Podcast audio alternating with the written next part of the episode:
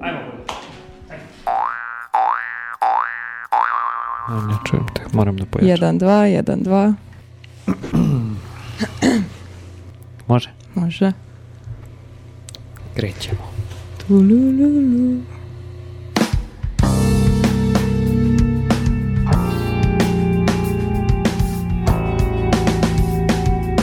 Radio Galaksija. Slušate Naučni megafon. Slušate vesti iz svemira i njegove okoline.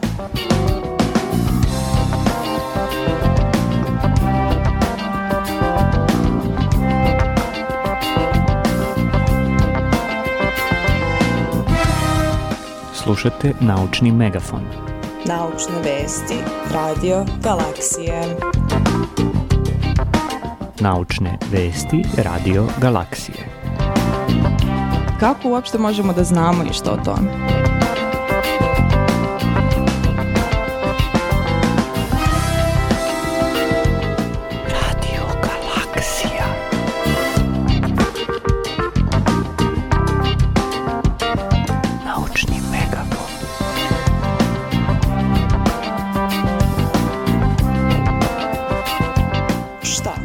Naučni megafon.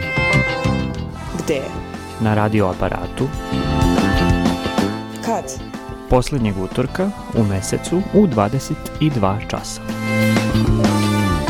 Ja sam Dušan. Moje ime je Lana. Slušate Naučni megafon.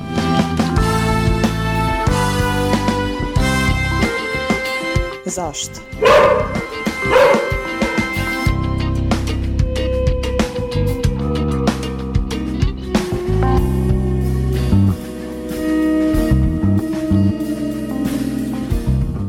Slušate Naučni megafon. Naučne vesti Radio Galaksije.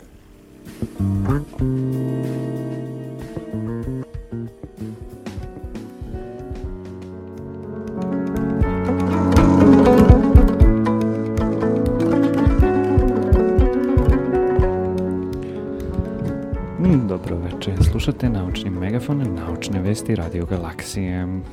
Dobro večer. Ćao Lana, Ćao Dušane. A, ja sam Dušan Pavlović a, Ja sam Lana Konstantinović. vi slušate Radio Galaksiju i Naučni megafon. A, poslednji utorak u mesecu, poslednji utorak u godini 2021. Ovo nam je prvi i poslednji utorak u godini. Ali okvirno. Pa jest. E, Danas je 28. decembar, poslednji utorak u ovoj godini, 2021.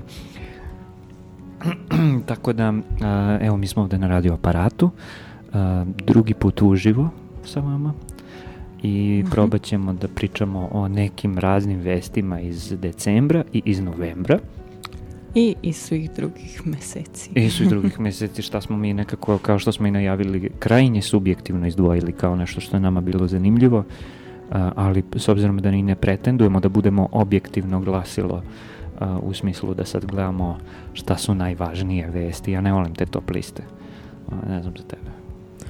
Pa ja sam pokušala da pogledam te top liste, ali i one su podjednako subjektivne kao i naš izbor, tako da Pa da, ima nekih stvari koje stvarno jesu obeležile ovu godinu um, i to je pre svega korona. da. Da, i mislim gomila istraživanja, gomila novih stvari vezanih za koronu. I sve što su istraživanja o koroni povukla. Mhm. I nešto od toga ćemo i da pomenemo večeras. Um, a zapravo, evo, godinu je završila jedna vest o kojoj ćemo vrlo brzo da pričamo, a to je lansiranje James Webb svemirskog teleskopa i to ste vjerojatno svi ispratili. Ali pre nego što pređemo na vesti iz sveta nauke i sveta otkrića, to tako nazovemo, um, mi možemo da zapravo rekapituliramo i pomenemo šta smo mi radili ove godine. A o, Pa da. svašta nešto. Ti si ove godine došla u Radio Galaksiju. Jeste. I od tad smo uradili koliko beš? 5, 6, 7 megafon, tako nešto. Pa tako. Ja mislim da je prva moja radio galaksija Cameo bio u martu. Jeste, da. Znači, Mart, april, maj, jun, jul, august, septembar je bio jedan megafon. I onda smo i u oktobru Oktobar. radili jedan. I onda smo novembar preskočili, zato imamo sad vesti iz novembra. Da. To se izvinjavamo svima što smo preskočili. Um, ali, eto, da, kao što subjektivno biramo vesti, tako biramo i da preskočimo neki mesec. Tako biramo i termin. Ali ovaj, niste os- ostali uskrećeni, imali ste e, i druge sadržaje iz Radio Galaksije, nadam se da vam, se da vam se i to dopalo, a što se tiče drugih sadržaja iz Radio Galaksije, stvarno je bilo svega i svačega. Šta se tebi najviše dopalo? Pa meni se najviše dopala i ova tribina na koju sam uspela da dođem u ovoj godini. To je bila tribina o... To je bila Aha. tribina o zagađenju vazduha. Aha, da. To je bila ova pretposljednja tribina, da. Da. 7. decembra. Ko nije poslušao, može da posluša na našim e, servisima za slušanje. E, a tu su bili gosti Aleksandar e, Jovović sa Mašinskog fakulteta i Andreja Stojić sa fizičkog fakulteta, sa, sa, sa fizičkog, sad će čovjek se uvredi, E, sa instituta za fiziku koji se bavi zapravo veštačkom inteligencijom i machine learning, algorit, le- learning algoritmima u svemu tome. A na neki način a, to je i a, može bude i najava zapravo za jednu od prvih epizoda u sledećoj godini, a to će biti filozofija veštačke inteligencije, tako da eto to, evo, sad najavljujem, Da, to će biti zanimljivo. kako se to kaže, najavljujem spe, spektakl, ne, Biće spektakl. E, da, tokom ove godine stvarno bilo dosta novih stvari. Um, između ostalog, zato što sam se ja dosta posvetio Radio Galaksiji, e, zbog toga što se Lana priključila, tako da smo imali dosta zanimljivih e, vesti iz naučnog megafona. Ja sad ne mogu više ni da se setim, evo malo pre smo baš sedeli i pričali šta smo ono beše pričali vezano za šta je bilo, šta si me pitala kad si rekla, e, imali smo tu vest u ne znam kom megafonu, ja uopšte nisam mogla da se setim. Čekaj sad ja da se setim. A, nešto o migracijama, verujem. I o Mm. vikinzima. I kako sve idemo dalje i dalje. Da, da, da. Baš je bilo mnogo vesti stvarno i e, to je kad pogledate recimo evo kako kako mi spremamo zapravo naučni megafon, tako da tako što sačekamo negde pred kraj meseca i onda sednemo da pregledamo šta su sve vesti iz nauke i šta su sve Mhm. radovi koji su se e, pojavili i onda krenemo e, redom po raznim Da. oblastima, na sajtovima raznim Um, I onda tu jednostavno kad krenete da kopate tu vidite ogromnu količinu stvari koje, koje postoje. Da. I sve dalje i dalje i sve Pa da, složenije i složenije. Jeste, onda treba pogledati i rad i pročitati i tako dalje, tako da mi u suštini ne možemo, ni, ni da hoćemo, nemamo resurse da budemo ne znam kako objektivni, a, tako da biramo vesti kako nam se sviđaju. Da, i a, ta, ti domeni iz kojih vesti dolaze su takođe kako nam dođe. da. Što, su- što, je te, što ste bilo najzanimljivije do sada? Pa meni je nekako bilo najzanimljivije kad god iskopam nešto o životinjama i o dinosaurusima, zato što je to nešto što me zanimalo kad sam bila mala, ali naravno i ove vesti iz psihologije i nekako mi je a, plan za naredne megafone da izvučem i neke vesti iz andragogije koju studiram, iako nisam to pominjala do sad. Mhm. ali da, neke vesti o istraživanjima u, u obrazovanju i istraživanju o celoživotnom učenju i o stvari o a, učenju u odraslom dobu. Ja jedva čekam. E, dobro, decembar je. Um, mi nećemo sad mnogo više da pričamo o tome šta smo radili mi ove godine, šta je bila Radio Galaksija ove godine, to možete i da pogledate sami ako ste propustili. Novogodišnji praznici su taman, super vreme da možete da slušate uh, uh, prethodne epizode što naučnog megafona, što radio galaksije i to kao što vrlo dobro znate, ako ne zna, evo ponovit ću, možete da nas nađete na društvenim mrežama svuda i uh, ako hoćete da nas slušate, možete da slušate na svim platformama, manje više svim za slušanje uh, podcasta. Samo kucajte Radio Galaksija, a imamo i svoj, uh, da kažem, ono, host, hosting mali, a, koji je na adresi radiogalaksija.buzzsprout.com i odakle se zapravo povlače svi ostali a, sve ostale platforme po, povlače e, m, epizode i prenose ih i na Spotify, na Deezer i tako dalje i tako dalje, tako da možete da poslušate svašta nešto što smo do sad radili, možete i da se vratite na neke od prvih epizoda koje su bile tamo 2009. godine, pošto onih prvih 15 nema, jednostavno, mm. izgubljene su. um, e sad, da, malo ćemo da slušamo muziku, malo ćemo da pričamo, ako završimo pre ovih punih dva sata koliko imamo s ovde, uh, mi ćemo na kraju da zapravo puštamo neku muziku koja se nama sviđa, tako da ćete imati priliku i da čujete naš muzički ukus na neki način, mada ste ga čuli i do sad. A, a ja bih tu da počnem sa bendom jednog našeg gosta iz Radio Galaksije, Janka Međedovića. On radi na Institutu za kriminološka istraživanja i ako se sećate, bio je gost kad smo pričali o mračnim crtama ličnosti, o mračnoj da. trijadi, mračnoj tetradi, da. To je bila cool epizoda. E, Janko ima band koji se zove Sve to rastrojstvo i objavili su par singlova, čak smo ih tad slušali kad, mm -hmm. smo, mhm. kad, kad smo pričali nas dvojica ovde na radiju, a, ali su pre par dana, pre dva dana, tri dana, tako nešto, ovaj, objavili ceo album a, koji se zove Sve to rastrojstvo. Možete ga nađete na Bandcampu, a ja puštam ono koje se meni najviše sviđa, zove se Decembar. Tako da slušamo sad Decembar, poslušajte ceo album ako vam se dopadne ovo, pa se vraćamo da pričamo o vestima iz nauke.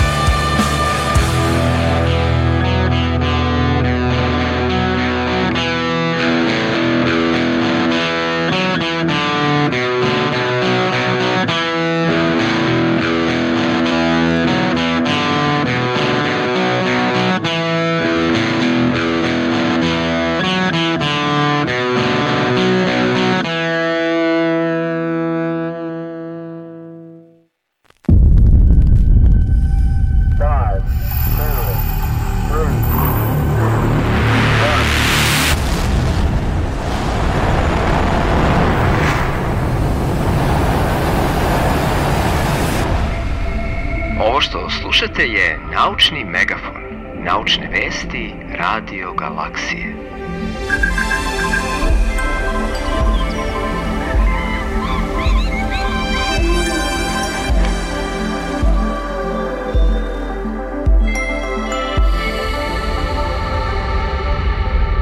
Želimo vam sve najlepše sa naše planete.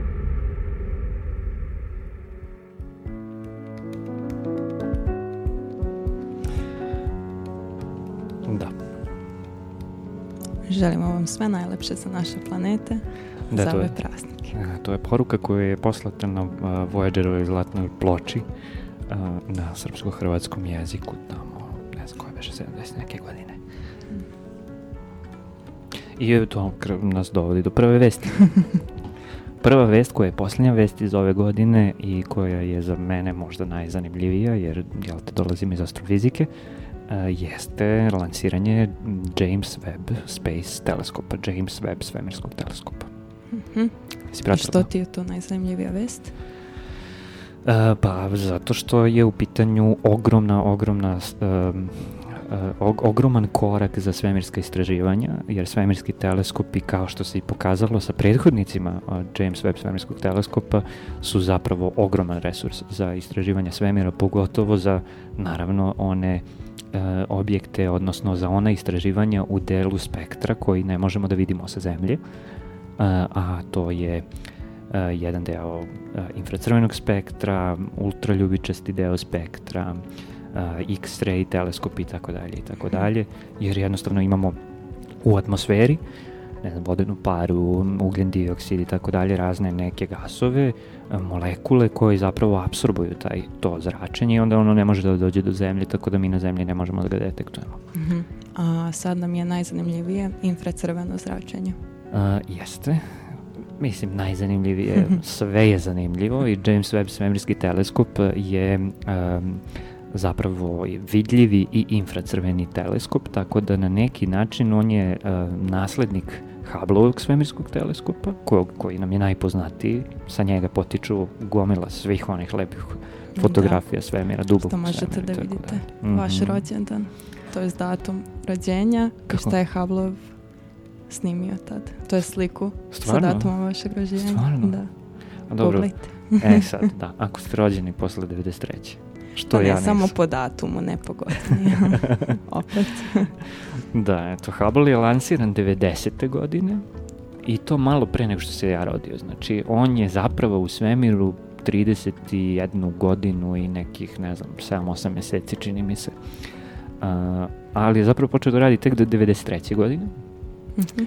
I uh, Hubble je uh, potpuno revolucionizovao, da tako kažem, astronomska otkrića. Uh, između ostalog, jedan od, jedno najzanimljivijih onih otkrića po kome je poznat, odnosno najzanimljivijih snimaka po, kojima, po kojim je poznat, je ono čuveno Hubbleovo dubo, duboko polje. Uh, I posle toga i Hubble Ultra Deep Field, što je u stvari snimak koji je Hubble napravio tako što se okrenuo ka jednoj tački u svemiru, u kojoj na izgled nije bilo ničega i onda je dugo i dugo i dugo snimao samo tu tačku, znači ono potpuno ovaj, kako bi se reklo otvorena a, apertura, ek- ekspozicija koja traje i traje i traje i traje, znači slagani snimci.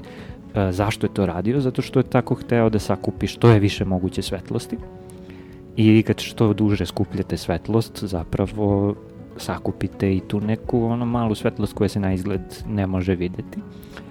I šta je, zašto je to bilo važno? Zato što kad je Hubble napravio ta, to ultra duboko polje, odnosno prvo duboko polje, a, videlo se zapravo da u tom jednom, onom vrlo, vrlo malom delu neba gde nije bilo ničega, ima ogroman broj galaksija. A onda u ultra dubokom polju. Pa isto, da. Još samo, više. Da, da, da. E sad, zašto, zašto sad sve ovo pominjem i šta smo rekli? Znači, on je s jedne strane teleskop koji snima u vidljivom delu spektra i u blisko infracrvenom delu spektra, znači na tim malim talasnim dužinama infracrvenog dela spektra, a, a jedan drugi e, svemirski teleskop koji se zove Spitzer svemirski teleskop je infracrveni. Tako da je James Webb neka vrsta naslednika Hubble i Spitzera, Mhm. Zato što James Webb svemirski teleskop snima i u tim srednje dometnim a, talasnim dužinama infracrvenog zračenja. Sad pitala si me zašto je to sad zanimljivo, zašto nam je važno Mhm. infracrveno zračenje.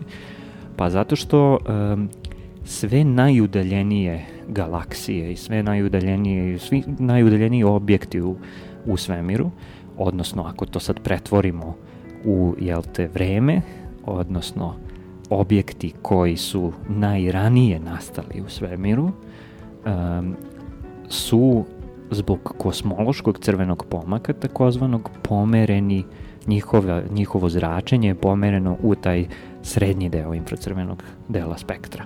Zašto je pomereno? Pa zato što, jel te, kako se svemir širi, tako i to zračenje koje potiče sa tih najdaljih galaksija se zapravo rastegljuje sa vremenom i do danas, znači tih nekih 13,7, 6, koliko već milijardi godina, za 13,7 milijardi godina zapravo to zračenje se toliko, toliko razvuklo da je zapravo talasna dužina tog zračenja koje potiče od tih najdaljih, odnosno najranijih objekata u svemiru, sada detektabilna u srednjem domenu infracrvenog dela spektra. I zapravo James Webb svemirski teleskop je potpuno neverovatna stvar koja se dešava u astronomiji i astrofizici upravo zato što će uspeti da detektuje um, neke od najranijih galaksija, tako da će nam dati odgovore kako su galaksije nastale, uspeće da detektuje najranije zvezde, tako da će nam dati, nadamo se, odgovore i kako su nastale prve zvezde i tako dalje i tako dalje. Super. A gde je taj teleskop? E da, a, on je lansiran 25. pre tri dana i ovaj, mogli ste svi da pratite na nasinom uh, live kanalu na internetu, na YouTube streamovima i tako dalje. Lansiranje što je potpuno spektakularno uh, i ne znam, ja to uvek volim da gledam, uh, ne znam kako ostali, ali nekako je meni to kao da, savremenik si da događaja koji je toliko... Spektakl. Pa jeste, stvarno naj, naj, najboljem smislu te reči spektakl. I, uh, znači, on je lansiran 25. decembra. Ideja je u stvari da uh, James Webb svemirski teleskop se stacionira u orbitu oko te neke takozvane L2 Lagrangeove tačke. Mhm. A što tu? Uh, e sad, šta je prvo L2 Lagrangeova tačka? E, da. Uh, kad god imate neko telo koje je orbitira oko nekog drugog, vi zapravo imate na neki način interakciju gravitacijnog polja ta dva tela. Znači u ovom slučaju imamo sunce i zemlju i potpuno ćemo da isključimo sve ostalo u suštini, za, ono, zarad ono, pojednostavljenja uh, uh, objašnjenja. Uh, kad isključimo sve ostalo imamo samo ta dva tela, mi zapravo uh, u tom gravitacijnom polju oko ta dva tela imamo neke tačke, odnosno neke lokacije uh, koje su na neki način stabilne. Na drugim mestima, znači gde god da pa ako postaviš neko telo negde, ono će da ili ode ka suncu ili da ode ka zemlji i tako dalje, znači samo pitanje vremena i tako dalje, to je ono čuvena je ona e, ilustracija sa takozvanim gravitacionim bunarom, kao kad uzmeš ne znam, veliki čaršav i onda baciš veliku Mhm. masivnu kuglu na njega i tako zapravo e, simuliraš, što bi se reklo, fizički gravitaciono polje, gde god da staviš novčić, kliker ili šta god, taj kliker će po nekoj orbiti spiralnoj da ode do, ovaj, do kugle. Do centra. Jeste, e, to se suštinski dešava i ovako, znači u svemiru, naravno, malo, malo je banalizovano, međutim, kada imamo jedno telo koje orbitira oko drugog, kao što Zemlja orbitira oko Sunca, na orbiti i oko te orbite postoji nekih pet tačaka koje su zapravo na neki način stabilne. Odnosno, kad postaviš telo u tu tačku, to telo u suštini ostaje u toj tački. Ne padne na zemlju, ne padne na sunce. I sad to su te čuvene Lagrangeove tačke i postoje te neke tri tačke koje su nestabilna ravnoteža i dve tačke koje su stabilna ravnoteža. Ove što su nestabilna ravnoteža su one koje se nalaze na liniji sunce-zemlja, tako da imamo, znači to je zapravo bu- bukvalno na poluprečniku orbite kako se zemlja kreće, tako se kreću i te tačke i u suštini imamo dve tačke koje se nalaze jedna s jedne strane zemlje, druga s druge strane zemlje na tom pravcu I treća tačka koja je na skroz suprotnoj strani od Zemlje u odnosu na Sunce, uh, to su te tri tačke, znači 1, 2 i 3. Lagranževa tačka 1 je ova između Sunca i Zemlje, Lagranževa tačka 2 je ova iza Zemlje, na tom istom pravcu, a 3 je na suprotnom, znači kad idemo od Zemlje ka Suncu, pa onda još jednom tako. Pa onda, da. opet. I imamo onu čuvenu 3, 4 i 5 Lagranževu tačku, one se nalaze na 60 stepeni ispred i iza Zemlje, na orbiti Zemlje. L4 i 5 su te stabilne ravnoteže i tu se obično nalaze neki asteroidi, pa na primjer najbolji primjer je kod Jupitera, u tim tačkama, u tim oblastima zapravo L4 i L5 se nalaze oni čuveni trojanci. Znači oni su tu nekako upali, došli, i onda su ostali tu zato što tu je stabilno uh, i tu borave pa sad, tako dalje. Da. E sad, L2, L1 uh, i L3 su tačke nestabilne ravnoteže. Zašto? Zato što um, to su um, takozvana metastabilna stanja. Uh, tu, to su tačke gde zapravo imamo uh, zemljinu gravitaciju koja pravi protiv težu uh, silama poput uh, Coriolisove sile i uh, centrifugalne sile koja zapravo tera telo da ode van, van te orbite. Mm -hmm. I šta se onda dešava? Znači u tim tačkama vi imate centrifugalnu silu koja tere telo da ode uh, van te orbite, međutim zemlja ga malo privlači i onda ga drži u toj, u toj tački. Mm. To je E sad, stvari u tome što uh, ta L2 tačka je, kao što rekoh, metastabilna, tako da ne može tu telo da ostane i da boravi samo od sebe, nego mora da se malo koriguje ovaj, ta orbita, tako da šta god da smo poslali tamo, a poslali smo dosta nekih ono teleskopa, oni zapravo imaju te male trastere kojima koriguju orbitu. I bilo je mnogo nekih Znači, na primjer, u L1 tački, koja je ove, s, s ove druge strane, znači između Zemlje i Sunca, ima nekoliko teleskopa. Najpoznatiji je možda SOHO teleskop. To je Solar Orbiter uh, Helio, uh, kako se sad, da, zapravo observatorija koja se bavi posmatranjem Sunca. Uh, dok u L2 tački već imamo neke druge teleskope i tu su da čuveni WMAP, uh, Wilkinson Microwave Anisotropy Probe, imamo Herschel svemirski teleskop, imamo Planckov teleskop, imamo Gaia misiju, ona se nalazi tamo. I uh, sada je James Webb svemirski teleskop na putu da ode u L2. Da. um, da, tu sad treba zapravo objasniti E, zašto se ide, da, ali pre nego što objasnim zašto se ide tamo, ovaj, e, da, da samo ne bude zabune. Znači, neće taj teleskop i nisu ovi teleskopi tamo u toj tački, nego zapravo kruže po nekoj maloj orbiti oko te tačke. Te male orbite se zovu takozvane lisažuove orbite ili halo orbite. James Webb svemirski teleskop će takođe da kruži u jednoj maloj, relativno maloj orbiti oko te tačke, a ta L2 tačka, to nisam rekao, se zapravo nalazi na nekih milion i po kilometara od zemlje. I sad čisto poređenje radi, mesec se nalazi od zemlje na nekih 380 i nešto hiljada kilometara, tako da je ovo zapravo a, koliko, nešto, 3-4 puta dalje od orbite meseca. I sad ako pogledamo i, i napravimo analogiju sa Hubbleom, Hubble zapravo nije teleskop koji je otišao u tu neku tačku L2 ili 1 i tako dalje. Hubble se nalazi na orbiti oko Zemlje i nalazi se na orbiti između Zemlje i Meseca, na orbiti na nekih 570 km. Tako da ovo je dosta, ovaj, dosta dalje i zato mu treba zapravo mesec dana da stigne, da stigne do tamo. Tako da um, James Webb svemirski teleskop će stići negde krajem januara u tu L2 tačku i onda će polako da se namešta u tu orbitu.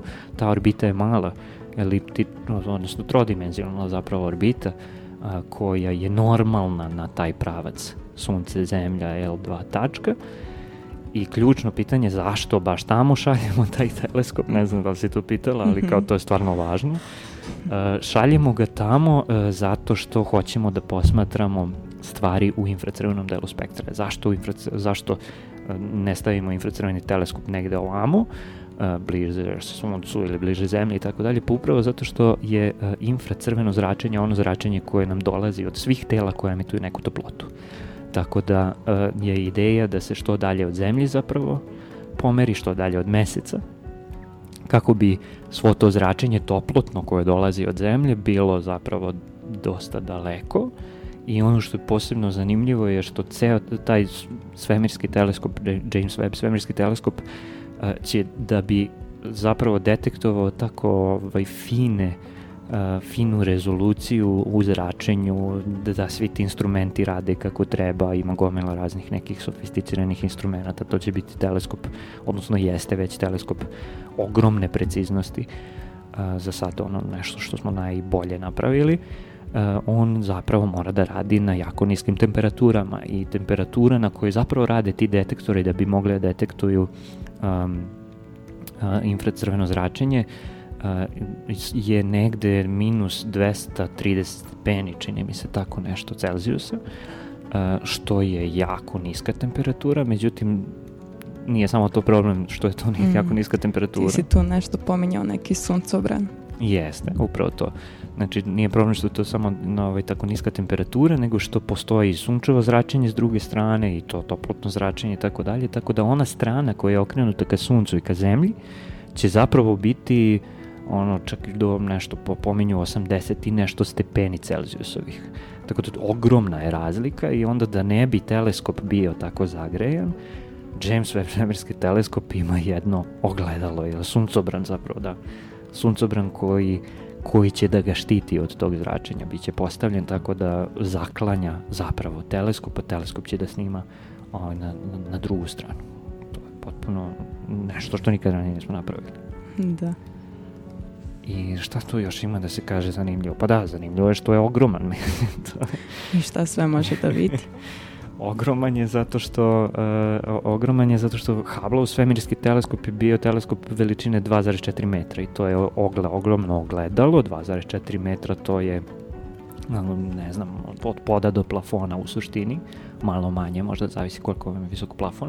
uh, um, E sad, to, to je ogromno ogledalo, a James Webb svemirski teleskop je napravljen drugom tehnologijom, zapravo iz segmenata heksagonalnih manjih ogledala, tako da kad se to sve složi, složi se u veliko ogledalo koje je prečnika 6 metara, 6, um, da, to sam negde izdvojio, zapisao, ne znam tačno koliko, tako nešto. Zna, znam da ideja je bila zapravo da bude 8 metara, ali na kraju nisu mogli tako da ga naprave, a, pa su napravili tako manji, ali zapravo je to je ono dva i po puta veće nego Hubble svemirski teleskop. A šta to znači? To znači čim je teleskop veći, znači da će moći više svetlosti da padne. I onda sa, napraviš analogiju recimo sa, ne znam, kad pada kiša i imaš kofu kojom hoćeš da sakupiš kišnicu, pa što je veći prečnik kofe, odnosno što je veća mm. kofa, više ćeš kišnice da sakupiš. E, ovde je samo analogija sa zračenjem, odnosno svetlošću. E, da, i šta još treba da pomenem? Da, treba, da, treba da pomenem um, treba da pomenem šta će sve da radi, to smo pominjali, znači bavit će se prvim zvezdama i prvim galaksijama, odnosno tim najranijim zvezdama i najranijim galaksijama koje možemo da detektujemo, koje ćemo moći da detektujemo, bavit će se E, snimaće podatke koji će nam mnogo pomoći da razumemo formiranje galaksija i evoluciju galaksija a, i ne samo to, nego i formiranje zvezda i formir, formiranje planskih sistema, pošto infracrveni teleskop, a infracrvene informacije su nam dosta značajne u tim poljima. I ono što je dodatno ovaj, super zanimljivo, znači na ne, neka vrsta drugog polja koje, koje, se bave, koje je vezano za ovaj teleskop, a, to su a, tranzitna fotometrijska i spektroskopska istraživanja, odnosno snimanja egzoplaneta i njihovih atmosfera. Tako da će zapravo paralelno James Webb svemirski teleskop da snima i egzoplanete i njihove atmosfere, tako da ćemo moći na osnovu lepih, finih, tranzitnih, odnosno fotometrijskih podataka i spektrometrijskih podataka, da jednostavno moći ćemo da razložimo taj spektar koji dolazi iz atmosfera tih planeta i onda ćemo moći da imamo više informacije o tome od čega su te atmosfere sastavljene, kakvih tamo sve gasova ima, da li ima metana, da li ima fosfin, nećemo još fosfin moći da detektujemo, ovaj, ugljen dioksida, kiselnika, čega tamo ima, što nam je super zanimljivo i važno zato što možemo da detektujemo neku vrstu, to se sad zove biomarker, odnosno ne zove se biomarker, zove se nekako drugačije, ali biomarker zapravo, odnosno hemijskih elemenata i tragova hemijskih elemenata koji ukazuju na neko biološko poreklo. Odnosno, tražimo Poreklo život. života. Jeste, da. I ono što je još dodatno je, um, imaće neku vrstu takozvanog koronografa. E za šta je koronograf? Pa to je jedan uređaj koji zapravo zaklanja zvezdu i onda snima samo okolo. Zove se koronograf, ono, prirodni koronograf je pomračenje sunca, na primjer. Mesec zakloni sunce i mi onda možemo da vidimo koronu i okolne zvezde i svašta nešto. E ovde imamo taj veštački koronograf, odnosno jedan disk koji će da zakloni matičnu zvezdu te egzoplanete i moći ćemo da zapravo snimimo egzoplanetu direktno, a ne samo u zračenju zvezde, kao što smo do sada to imali. Znači moći ćemo da snimimo bukvalno tačkicu, što zapravo zvuči kao, pa dobro, šta sad, ono snimit ćemo tačkicu, šta imamo od toga, ali to je zapravo ogromna, ogromna ovaj prednost, zato što ćemo moći posebno da, iz, da analiziramo svetlost koja dolazi sa te tačkice. I samo sa te tačkice, znači ne sa te zvezde. Tako da to, je, to su potpuno neke, neke samo od stvari koje će uh, James Webb svemirski teleskop da, da radi. I to je gomila podataka, mislim, to je tek ono, tema za sebe na neki način. Postoji posebna mreža koja se zove NASA Deep Space Network, koja će zapravo da komunicira sa ovim teleskopom. U pitanju su neke tri antene koje se nalaze u Australiji, Španiji i u Kaliforniji i onda će oni stalno, pošto je ta L2 tačka uvek na istom mestu u odnosu na sunce i samo se zemlja rotira, zapravo je relativno jednostavno usmeriti e, antenu ka toj tački i onda primati signal. Tako da, evo, znači ja sam, da, gledao sam baš to danas, za mesec dana kada, uh, kada James Webb stigne u L2 tačku, L2 tačka, odnosno taj takozvani antihelion, uh, će biti negde između sazvežđa lava i, i, i šta je pre lava? Rak. Znači između sazvežđa laka, raka, Lava raka i, raka. i lava. I onda ne znam, tek ono, posle polako prelazi u sazvežđe device, kako se sunce zapravo kreće po ekliptici, na suprotnoj strani, tako znači na strani suprotnoj od sunca, mi imamo tu L2 tačku koja se kreće po ekliptici kroz ova zodijačka sazvežđa. Tako da, samo suprotno. Znači, samo Mm. ono horoskopski znaci minus šest meseci. Uf. Znači, ako je sunce u, um, ne znam, škorpiji, L2 tačka, odnosno James Webb svemirski teleskop u tom trenutku nalazi se u sazvežđu koje je suprotno od škorpije na nebu. Eto. Eto. E da, i, i evo, neću više obećavam, dosta sam pričao o ovome. Um, e, ono što je važno, recimo, eto, pojavila se neka zabuna u medijima kako nikad nećemo moći više da vidimo James Webb svemirski teleskop, što nije tačno. Što ne bi mogli? Pa da, mislim, ljudi su nekako po nekoj lošoj intuiciji zaključili da, eto, lancirali smo ga, on odlazi daleko, na milion i po kilometara od zemlje, to je mali objekat, nema šanse da ga vidimo, međutim i tako mali objekat na toj udaljenosti, u toj tački će biti sjaja, a, um, znači njegov sjaj će biti detektabilan a, relativno dostupnim teleskopima, čak i u um, čak, čak i u to ono kućnoj radinosti što bi se reklo. Znači tu mislim da su neke magnitude 16 na primjer ili tako nešto, što uopšte nije toliko malo sjajno. Vidjet će se naravno kao tačkica, ali mo moći će se vidi. Eto. Da. Super cool. Znači sad sam svašta nešto ispričao a, ovaj, i potpuno sam te ostavio bez teksta. Da. Ajde sad ti pređi, pričaj neku drugu priču. Pa hajde. Mm, šta bismo mogli da se nadovežemo na ovu priču? pa evo jedna veoma uh, onako dobra asocijacija da nemamo suncobran, morali bismo da koristimo kremu za sunce ili kremu za sunčanje. Mhm. Pa hajde onda da pričamo o nekim negativnim efektima uh, krema za sunčanje. Ajde. Uh, ovo je jedna više ekološka priča, ali je meni bila zanimljiva zato što prosto nisam nikad ranije razmišljala o tome da kreme za sunce i sprejevi protiv sunca u stvari imaju jako negativan uh, uticaj na korale. Znači, sad ono, ja odem na, na plažu, namažem se kremom za sunčanje i korali izumru. Pa, u stvari da Dobro. korali onda budu zaštićeni od sunca i onda umru.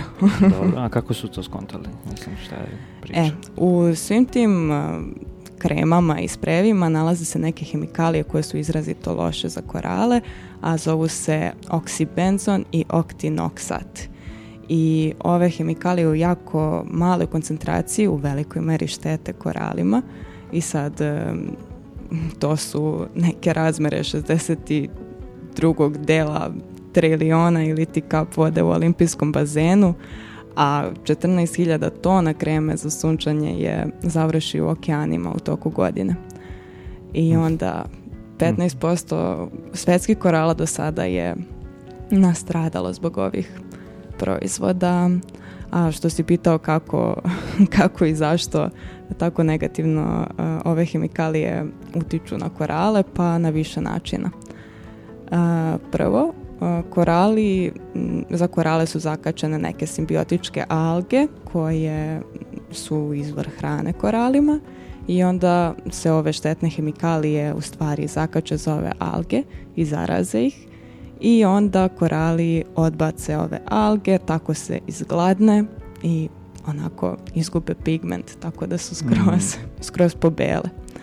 E, kad pobele zapravo to je to je ona konstantna priča, znači to smo pričali o, kad smo pričali o biodiverzitetu zapravo i u prethodnim emisijama, kad korali, a sad ja digresiram, izvini, znači to, to je super prikazano i u ovom uh, David Attenborough uh, Blue Planet, čini mi se, možda nije Blue Planet, nego ili Our life, Planet. Da, Life on Our Planet. Ili Life, uh, pa ima tih nekoliko ovaj, njegovih serijala, se, film, serije. Da?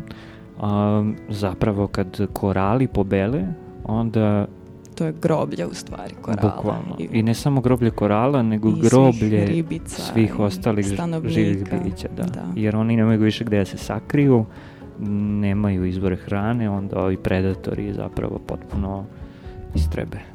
Da. Izvini, malo A, ništa. digresija. E, Pa da, pa pored e, jel, ubijanja korala na taj način, e, još neki onako baš negativni utjecaji su što um, ove hemikalije povise nivo e, hormona u koralima i onda oni luče kalcijum karbona do te mere da im njihov skelet raste dok ne prekriju ce, ceo koral i na taj način nekako sami sebe unište. Mm. Uh, a još jedan treći način je uh, što prvo stradaju um, izdanci jel, na koralima i također uh, DNK korala se šteti i onda je nemoguće za korale da se razmnožavaju odnosno Mhm, eto, mhm. nema više korala. I... Tu, tu samo jedan od e, zapravo razloga e, izumiranja, odnosno nestanaka veri, velikih koralnih grebena, što je ono, katastrofa zapravo za, ne samo za biodiverzitet, nego i za a, globalno zagrevanje. Mm, Da. Tako da ovo je možda e, neočekivan jedan podatak, ali u stvari dobar prvi korak za e, spas e, biodiverziteta i korala. Mhm. Da. Da, zvuči kao baš strašno, ali zapravo dobro je što znamo to. Jer onda sad možemo da zapravo napravimo Da. akcije Da preduzmemo neke da se zapravo Korake. ne koriste kreme za sunčanje, bar ne u toj meri, da se promene, promeni sastav krema za sunčanje.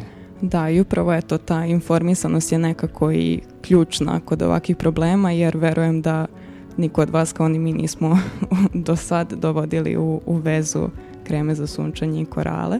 Mhm. A, mm, još jedna vest e, su upravo e, jedna grupa ah, aktivistkinja Mhm. e, koje se bore za informisanost naroda, pogotovo što se tiče ovih ekoloških e, tema i klimatskih promjena.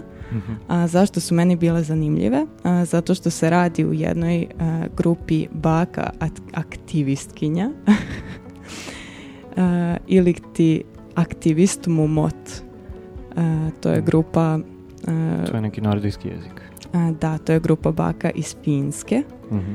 E, koje su u stvari u toku pandemije e, nekako postale popularne i njihove grupe i na društvenim mrežama sada imaju preko 5000 članova. E, I u stvari uopšte nije naivna organizacija a, s obzirom da e, su one bake koje su započele ovaj pokret e, imaju mesta ambasadorki klimatskih e, pakta u Europskoj uniji i rade na projektima e, prevencije klimatskih promjena i sve informacije na koje se oslanjaju e, su naravno naučne, e, naučni radovi i naučne informacije Mhm. i meni su ovako sa andragoške strane bile zanimljive zato što se baš trude da informišu narod različitih uzrasta Mhm. um, i da na taj način obezbede nekako svetliju i čistiju budućnost. Pa da to je, da mi nismo bake, ali mi na neki način sličnu stvar radimo, samo što nismo baš aktivisti u tom smislu, ali meni to sad kad kažeš zvuči kao potpuno fenomenalan e, zapravo prostor da stari ljudi koji su svoj radni vek zapravo završili, sad su ono u penziji i tako dalje, e, nisu tako skrajnuti iz društva, nego zapravo imaju neku svrhu a, a, a pored toga nije samo to u pitanju, nego zapravo oni u, verovatno kao i ti i ja dok sve ove vesti pripremamo mnogo nauče o svim tim stvarima. Tako da, Da. da. Da, a, i I šta konkretno rade, da, to nisi... pa da, jedan od e, pokreta, odnosno em, ne znam, akcija koje su pokrenule je što su u oktobru organizovale kolektivno sađenje drveća i m, zasađeno je oko 10.000 e, drveća u Finskoj Mhm. i e, čini mi se da su 10.000. da, da su um, svi članovi i svi ljudi koji podržavaju um, ovu organizaciju u stvari učestvovali. Mhm. Hm. Strano. Da, i upravo mislim i sam taj čin uh, sađenja drveća uh, zahteva određenu naučnu informisanost i to nas dovodi na još Mhm. jednu um, tako pozitivnu vest od ove godine gde su dronovi iskorišćeni kao uh, sredstvo za pošumljavanje. Mhm. Em, sad se selimo malo u Kanadu e, i tu je jedna mala organizacija em, koristila dronove kako bi pošumila em, one e, regione koji su nastradali u požarima, a, ali se naravno e, tu pokreću i neke teme šta treba preduzeti pre nego što se takav pokret e, organizuje i ostvari. Em, dakle, da bi pošumili određen region, potrebno je da uzmemo u obzir koju u stvari sortu drveća a, mi hoćemo da posadimo. I Mhm. ako se koristi samo jedna sorta, to može da povuče određene probleme i a, nekako da napravi štetne uticaje na biodiverzitet. Mhm. A, I također ako se recimo pojavi neki a, insekt ili neka pretnja za određenu sortu drveta, onda se to nastrada cela šuma. Mhm, mhm. Pa da, da. Baš treba, mislim, to je ono što stalno ponavljamo zapravo, nekako je, vrlo često se uđe u banalizaciju toga šta znači očuva- očuvanje životne sredine, šta znači očuvanje biodiverziteta i tako dalje. Ne znam, e- Mhm. ekološki aktivizam, k- klimatološki aktivizam i tako dalje. I vrlo često izgubimo iz vida da je kao i klima, tako je i biosfera zapravo jedan ogroman kompleksan sistem i međusobno su zapravo isprepleteni i Mhm. biosfera i- ta, kako se to sad zove, klimosfera, ne zove se tako, ali da, to je klimatski sistem i on stvarno treba voditi računa. Znači ne možeš ti baš bilo gde ni da sadiš šumu, Mhm. a ne možeš ni bilo koju šumu da sadiš, kao što ne možeš baš bilo gde ni da, ne znam, um, puštaš u divljinu e, neke životinje, Da. kao što ne možeš ni baš bilo gde da krčiš šumu. To je. Da, tako je. I sad, e, eto, kad si pomenuo već životinje i Mhm. prirodna staništa životinja, a, imamo još jednu sličnu vest iz polja biodiverziteta. Mhm. Um, Kina je u septembru objavila da su crno-bele pande um, postale simbol, simbol konzervacionog uspeha, Mhm. odnosno njihov broj se udvostručio u proteklih 30 godina. Oni su čak i na logu um, Wild World, uh, kako se zove ta fondacija, da? WWF. WWF, da. Da, World Wide Fund for Nature, da. Da, i mislim upravo tako su i prikazane kao taj simbol Mhm. e, uspeha i e, pozitivne promene m, kao rezultat 30-godišnje akcije, ali gde je kvaka tu? Što, Znači, opet ono kao lepa vest, pa ali... lepa vest, ali u stvari samo Da. lep početak. Bitno je da se iz kog ugla gledamo i koje sve informacije uzimamo u obzir. E, dakle, Kina je objavila da crno-bela panda više nije ugrožena vrsta. Mhm. ali e, način na koji se broj pandi udvostručio e, je u rezervatima. Mhm.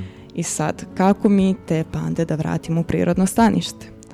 E, puno novca je uloženo u ovaj projekat e, i povećao se broj pandi, ali nije se uopšte posvetila pažnja toliko održanju njihovih e, prirodnih staništa i Mhm. uopšte procesu Mhm. puštanja pandi u divljinu. Mhm. E, tako da ta neka strana u stvari e,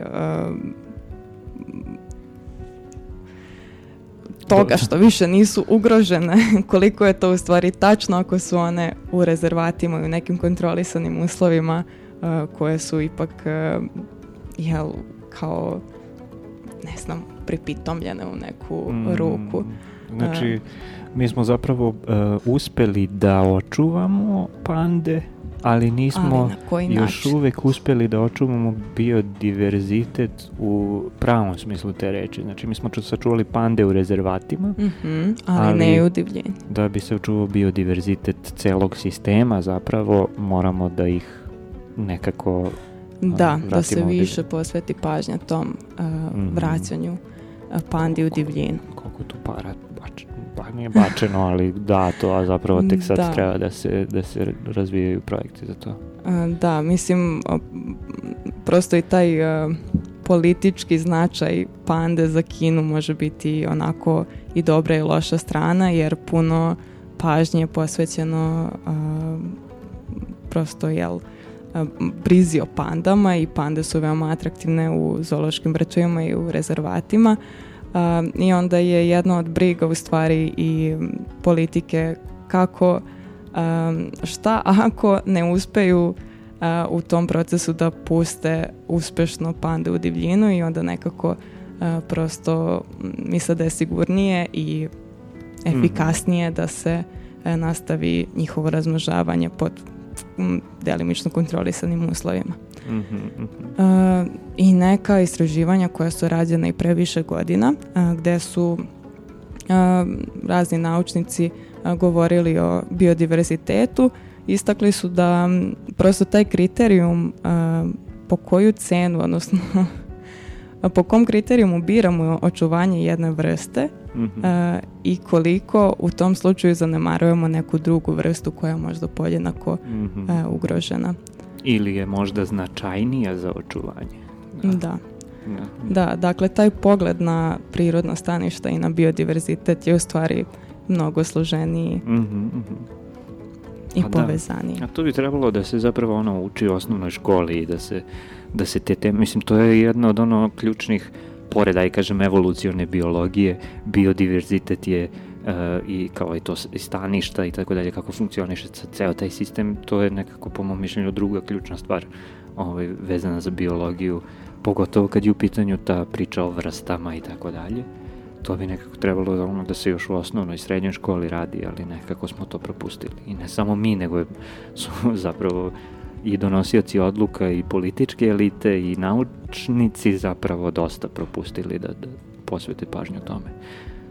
Kao što, sad ću ja da se nadovežem pa ćemo napravimo jednu pauzu, a, kao što eto, na neki način je to možda slična, sličan kontekst, sličan koncept zapravo kao to tvoje, a to je, znači mi se trudimo da zapravo napravimo mnogo veći a, kontakt između sebe, a, tako da pravimo puteve, uspostavljamo saobraćajnice i tako dalje i tako dalje s jedne strane, s druge strane trudimo se da nam obrazovanje bude što bolje i onda zapravo po pokušavamo da što je veći broj ljudi na planeti e, ima neko formalno obrazovanje, međutim ispostavilo se da za neke stvari to nije dobro. Što ne znači da treba prekinemo da se obrazujemo i da prekinemo da gradimo puteve, ali e, meni je potpuno zanimljiva ta vest iz više aspekata. Jedan je, jedan je taj, a o čemu se radi zapravo, koja je vest u pitanju? U pitanju je jedan rad koji je izašao u časopisu Nature, Ecology and Evolution, a zapravo se ne bavi biljkama i biljnim svetom, nego se bavi jezikom. I kad pričamo o biodiverzitetu, ovde s druge strane imamo jezički diverzitet, odnosno jezičku raznolikost, I ovaj rad koji je objavljen baš pre, ne znam, nekoliko dana, e, zove se Global Predictors of Language Endangerment and the Future of Linguistic Diversity, a, znači objavljen u časopisu Nature, Ecology and Evolution.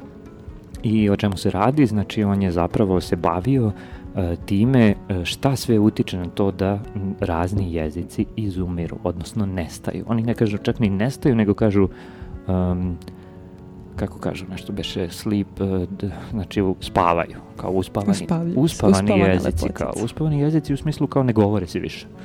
Znači, kao nema... Postoje, ali ne u živom jest. obliku. I šta, u živoj reči. Jeste, ne postoje u živoj reči ovako na radiju, na primer, nego negde postoje u nekoj pisanoj formi, u dokumentovanoj formi ili čak ne ni to. I um, šta je uh, zanimljivo sa tim radom, je to što mi danas, odnosno ne znam, imamo mi dosta jezika, ali ovaj rad se bavio recimo analizom nekih 6511 e, jezika. Što je ja, ogromna količina jezika. Međutim, šta su oni zaključili? Oni su zaključili da će zapravo preko hiljadu i po jezika do kraja ovog veka da, da nestane. Čak su neke ono naj um, najpesimističkije e, procene da će 90% svih jezika na planeti da nestane do kraja ovog veka, znači do 2100. Oj, godine. To je za 70, 8-9 godina. A zašto toliko? Um, e, da, to je ono što su oni zapravo ispitivali. Meni potpuno zanimljiv metodološki ceo taj pristup, tako da bih preporučio svima da, da pročitaju ovaj rad. A, a o čemu se radi? Znači, oni su zapravo gledali koje sve variable uh, utiču, odnosno koje sve variable mogu da se uh, prepoznaju kao one koje su važne za promenu, odnosno oni to kažu endangerment, odnosno ugrožavanje, ili za e, izumiranje, odnosno oni to kažu sleeping, uspavljivanje, nestanak, nestanak jezika i oni su gledali nekih e, 50, 51 takvu varijablu su ispitali, to su takozvane prediktorske varijable i tu je bilo gomila stvari. Znači, od nemoj ono... sad svih 51, pa ali... Ne, da, neću sve, neke. ali pa možeš samo da pogodiš neke šta bi moglo da bude, mislim to Hmm. Pa... Šta znam. Šta bi moglo da budu prediktorske varijable za uh, jezik koji nestaje, istraživanje jezika koji nestaje? Pa verovatno to uh, pokretljivost naroda, putovanja. Jeste, gde se govori, koliko se govori, uh, onda razni aspekti populacije, odnosno tog naroda koliko ljudi da, ima u populaciji, naroda. da, veličina ovaj naroda, starost, mm -hmm. ne znam, i tako te razne te stvari vezane za populaciju, pa onda razne varijable, razni, razne stvari vezane za to da li je jezik dokumentovan i kako je dokumentovan. Znači, da li je zapisan, da li postoje gramatike, Mhm. da li ne postoje gramatike, Da, da li postoje... očuvanost izvora. Mhm. A, pa onda, pored toga, znači, da li je pravno prepoznatljiv? Znači, da li postaje u pravnom sistemu taj jezik? Pa onda, kako izgleda obrazovanje, kakve su politike obrazovanja vezane za taj jezik i tako dalje. Plus gomila nekih ono iz socioekonomskih indikatora i svašta nešto. I ovo što si pomenula važno, znači oni su pokazali da je važan faktor saobraćaj, e, Iako je pokazano da kontakti sa drugim jezicima, odnosno to ono putovanje i uspostavljanje kontakata sa drugim Mhm. narodima u lokalu zapravo doprinose, odnosno ne doprinose gubitku jezika, nego zapravo doprinose očuvanju Mhm. tog diverziteta. Međutim, ako gledamo mrežu saobraćajnica i puteva koja je nastala i koja se sve više i više razvija, što su veća kretanja ljudi i što je veća ono, pokretljivost ljudi po planeti, to je veća ugroženost jezika i to je jedna stvar. A druga stvar je prosečna obrazovanost, odnosno godine školovanja. Što više zapravo imamo školovanih ljudi, to je veća ugroženost jezika i to je potpuno ne kažem da treba prestanemo da se obrazujemo, ali moramo da vodimo računa o tome. Uh, I m, kažem, zanimljiva mi je analiza i posebno su mi zanimljivi modeli zato što taj model koji je korišćen da bi se izveo ovaj zaključak i da bi se izvela i ova predikcija za 2100. godinu koliko ćemo ovaj jezika da izgubimo i tako dalje je zapravo baziran na modelima koje se koriste za upravo razvoj i očuvanje, Očuvanje. biodiverziteta. Bukvalno to, da. A, odnosno, modeli koji se bave izumiranjem vrsta i kad pogledate tim ljudi koji radi na ovom radu, to je jedan biolog, matematičar, lingvista, znači to je jedan interdisciplinarni tim koji se bavio jezikom na način tako što primenjivao modele za biodiverzitet na diverzitet jezika i, i tako dalje i tako dalje. I da, tek treba dalje da se razvije, to ono što je, ja mislim ovde važno, iako je rezultat rada jedna loša vest, a to je da jezici izumiru, kao što i kod ovih drugih stvari, nekako bih ja tu sad zaključio, je upravo da, eto, sad znamo da izumiru i sad jednostavno moramo da se posvetimo očuvanju, a kako da se posvetimo očuvanju? Pa oni e, i predlažu neke razne stvari, između ostalog da se mnogo više radi na obrazovanju bilingvalnih, e, u bilingvalnim školama, bilingvalnim programima, da se e, formiraju programi za, e, za razne druge ovaj, tako, stvari vezane, vezane za to. Eto. To je Global Predict, Pre- Predictors of Language Endangerment and the Future of Linguistic Diversity. Ko bi rekao da eto, biolozi mogu da pomognu da se da se razume kako se jezici menjaju. Baš. Ali da, sve je to interdisciplinarnost. Dobro, ajde napravimo pauzu. Ajde. Uh, slušamo pesmu koju si ti, uh, šta si rekla, znači tu si otkrila ove godine, odnosno ceo band, E, da, Altin a, da, a tamo ćemo malo da radimo na bilingvalnosti. Da, pošto je u pitanju, da, nova Turski. informacija koju si mi ti sad otkrio da je turski band koji nije iz Turske. da, da, da, iz Amsterdama su, ovaj, a i dosta su popularni. I mislim, meni se isto mnogo sviđaju, tako da, a i radio aparat je, ih pušta često, tako da. Slušamo pesmu koja se zove Juce Dag Basinda, valjda se tako čita.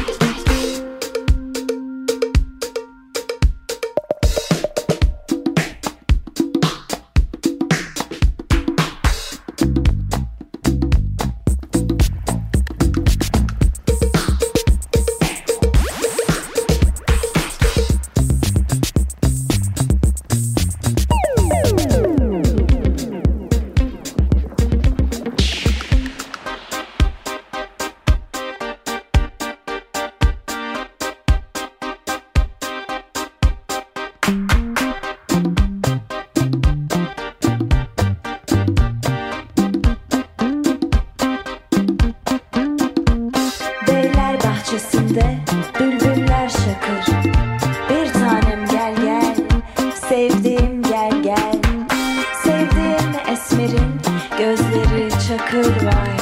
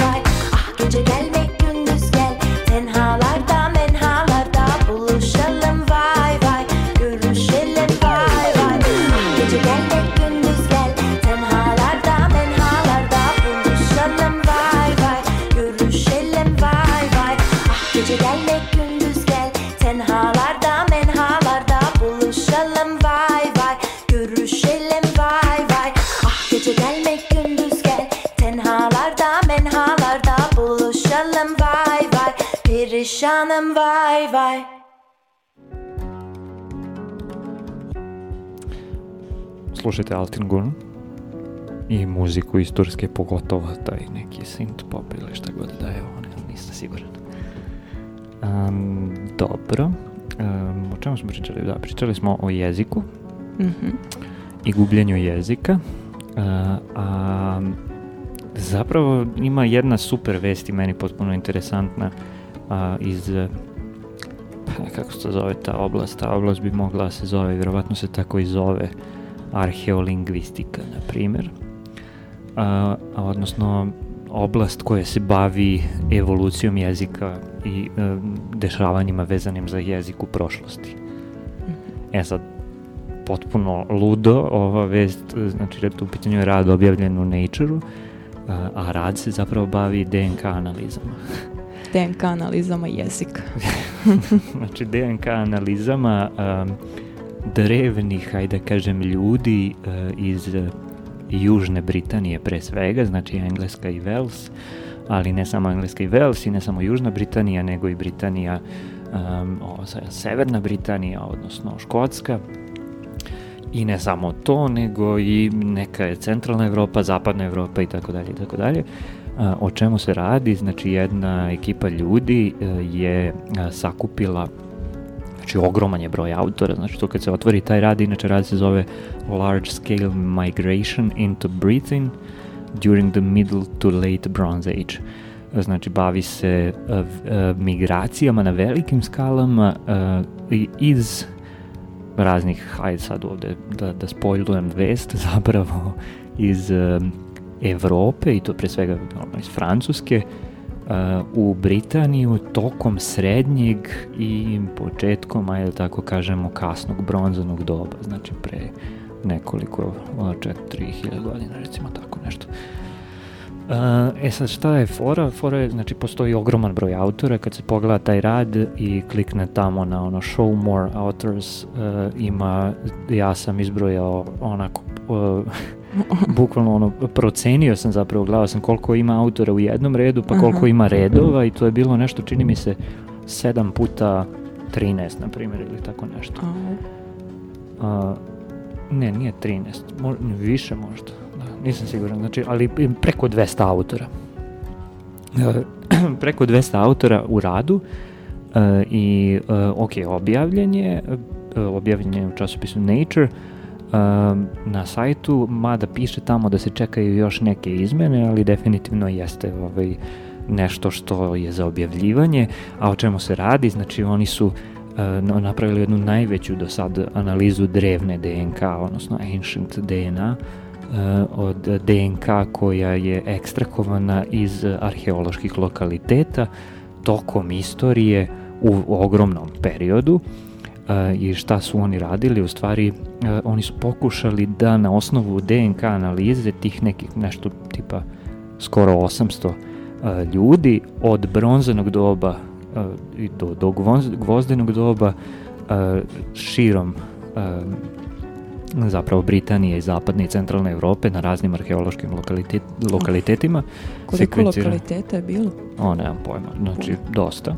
A, se, znači gde god su mogli da nađu, zapravo oni su mapirali i sekvencirali genom tih ostataka arheoloških tih ljudi koji su živeli a, u bronzanom i gvozdenom dobu na ovim, ovim prostorima i onda su sekvencirali genome I onda su gledali zapravo poklapanja, preklapanja, sličnosti i tako dalje. Zašto su to radili? Zato što tako može da se zapravo utvrdi a, koji, a, u kom procentu preci potiču, ne znam, iz centralne Evrope ili zapadne Evrope i tako dalje i u kom vremenskom periodu. I ono što je zanimljivo je da um, su oni zapravo zaključili da su migracije ljudi iz Francuske u Britaniju tokom kasnog bronzenog doba najverovatnije prenele keltske jezike u Britaniju. To je bilo ogromno pitanje kad su keltski jezici počeli se govore u Britaniji. Nije bilo jasno, verovalo se da je u, u e, gvozdenom dobu, E, međutim, ova analiza zapravo e, govori da je najvjerovatnije da se to desilo ranije, tokom kasnog ili početkom kasnog bronzanog doba. E sad, zašto? Znači, mi znamo za razne migra migracije u Britaniju, te velike seobe naroda u Britaniju i neke od prvih su se desile pre oko 6000 godina. A, to je, znači, na početku, a, jel te, na početku bronzanog doba, rano bronzanog doba. A, mislim da da. Um, I um, ono što je važno, znači šta pričaju arheogenetičari, uh, je da poreklo ovih ljudi je u velikoj meri vezano za tu, o, tu grupu ljudi koji, koji ono zovu rano evropski farmeri. Uh, I ne, znači to je jedan ogroman broj zapravo uh, uh, DNK materijala potiče poreklom od ranoevropskih farmera u tim uh, davnim periodima, dok nekih 20% recimo potiče od neke druge grupe koja je poznata pod nazivom zapadnoevropski lovci sakupljači. I šta se onda dešava? Znači, uh, ove velike migracije su na uh, području Britanije zamenile veliki deo lokalnih lovaca sakupljača i tako su onda zapravo promenile i sa sobom ovaj, donele svoj, svoj DNK materijal. E sad, to je bila jedna ta prva migracija -hmm. pre 6000 godina. Druga migracija se desila pre velika, za koju znamo, pre oko 4500 godina i to je početak bronzanog doba.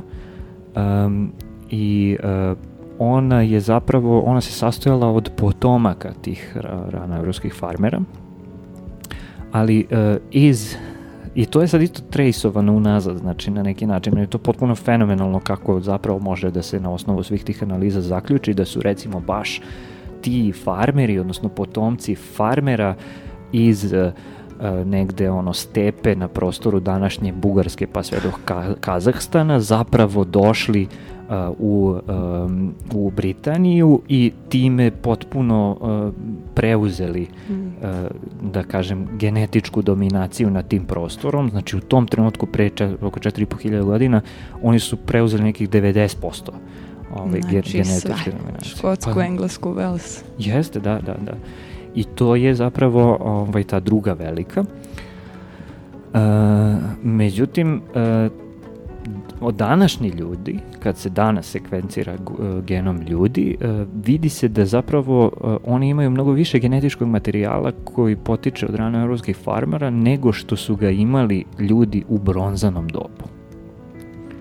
Možda sam previše zakomplikovao, komplikovao. Mm, ali to bi značilo to da bi je značilo... bilo i treća migracija. Jeste. Znači da je najverovatnije bilo i treće migracije iz Evrope nešto kasnije. I to je upravo ovo što su ovaj, utvrdili ovi, ovi naučnici, znači oni su na osnovu svih ovih podataka zaključili da se treća velika seoba naroda iz uh, Francuske u Britaniju desila negde između 1000. i 875. godine pre nove ere uh, i time to je zapravo povećalo procenat tih um, ranoevropskih farmera, odnosno njihovog genetičkog materijala sa nekih 30 na 36%, pa se to kasnije ustalilo na, na skoro polovinu u Engleskoj i Velsu, odnosno u Južnoj Britaniji. I mislim znalo se već ranije da je taj period bio um, period u kom je bri, povezanost Britanije i Francuske bila velika. Nije to sad bilo ne znam koliko davno, ljudi su u tom trenutku bili dosta razvijeni civilizacijski uslovno rečeno. Uh, i Da, ali su to bile neke manje grupe. pa mislilo se da su to bile ma, male migracije, tipa ne znam, ono neki neki individualac odluči da pređe iz Francuske u Britaniju ili ne znam, na po- povede sa sobom porodicu ili neke male grupe, međutim ispostavilo se da su ovo stvarno velike ove, bile, ovi rezultati ukazuju da su bile mnogo veće migracije. I da se vratim sad na jezik, zašto sam sve ovo i počeo, uh, je upravo to. Znači, ovi rezultati bacaju svetlo i na to kada se zapravo počelo da priča keltskim jezicima u Britaniji i to je sad trenutno teorija koja se suprostavlja sa do sada najpopularnijom teorijom. Do sada najpopularnija teorija je da se to desilo tokom gvozdenog doba i da je to poreklo iz kontinentalne Evrope. Međutim, ovi sad podaci pokazuju da zapravo poreklo najvjerojatnije iz trenutne Francuske. Na osnovu DNK analize može da se vidi to sve. Zanimljivo. Mislim, ne, može, ne možeš da vidiš na osnovu DNK analize Podatke. ovaj, Jezik, ko, koji je jezik, jezik. govorio da ovaj čovjek ko, ko, kog sekvenciraš, ali na osnovu ovoga možeš da zaključiš. Mene je potpuno fenomenalno, znači neka vrsta ono arheogenetike i ove arheolingvistike. Potpuno, da. Baš volim takve vesti. Da, šaren. Eto, ako neko hoće da pročita. I kad smo kod migracija, mi stalno smo, imali smo prošli put, no, to je spomenulo, znači vikingi, Mhm. migracije, šta je još bilo, ono, em, nisu bili e, Portugalci prvi koji su naselili a, ova Azorska ostrava, nego Mhm. zapravo vikinzi. E, međutim, ovo sad imamo suprotnu priču ovaj večeras a, iz časopisa Nature Communications uh, Earth and Environment i, imamo priču o naseljavanju Farskih ostrava. Farska ostrava su zapravo mnogo bliže vikinzima, odnosno nalaze se između Norveške i Islanda. Međutim, e, najnovija analiza u ovom radu koji je objavljen u Nature Communicationsu, a koji se zove Sedimentary DNA and Molecular Evidence for Early Human Occupation of the Faroe Islands, um, govori o tome da je zapravo taj severnoatlantski ar arhipelag najverovatnije naseljen jedno 300 godina pre vikinga. Znači, do sada se verovalo da su ga naselili vikinzi negde sredinom 9. veka. Međutim, kada se pogleda sad DNK analiza iz sedimenata, za one su zapravo radili se- sedimente nekog jezera na Farskim ostrovima, Znači uzeli su uh, sedimente i uh, radili su DNK analizu svega šta su mogli da nađu tu i onda su tu našli uh, molekularne biomarkere raznih, uh, razne fekalne biomarkere, znači uh, koji potiču od izmeta, uh, onda su pronašli uh, recimo uh, kad su analizirali DNK biljaka u, uh, u, tom, u tim sedimentima, videli su da recimo negde oko 500. godine nove ere, znači zapravo negde između 370. i 610. to im je opseg greške merenja, su videli zapravo da u, sedimentima po, postoji povećana koncentracija trave, na primer, a, da postoji ne, neka vrsta nestanka drvenastih biljaka, verovatno zbog stoke koja je tu ovaj, bridovana, odnosno kako se to kaže, uzgajana i vidi se ono, po fe, koncentracijama fekalnih biomarkera vidi se pojav, ovaj, povećana koncentracija i prva pojava zapravo DNK materijala koji potiče od ovce je detektovana negde tu oko 500. godine. Što je zapravo 300 godina pre vikinga. A, znači, vikinzi su pobećeni.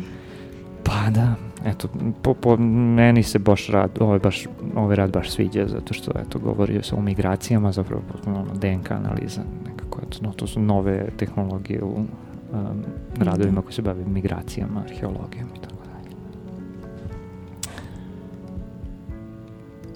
To je, da, šta još možemo da pričamo? Pa, eto, kad smo već kod ostrava i Imamo još vesti. pola, još pola sata imamo.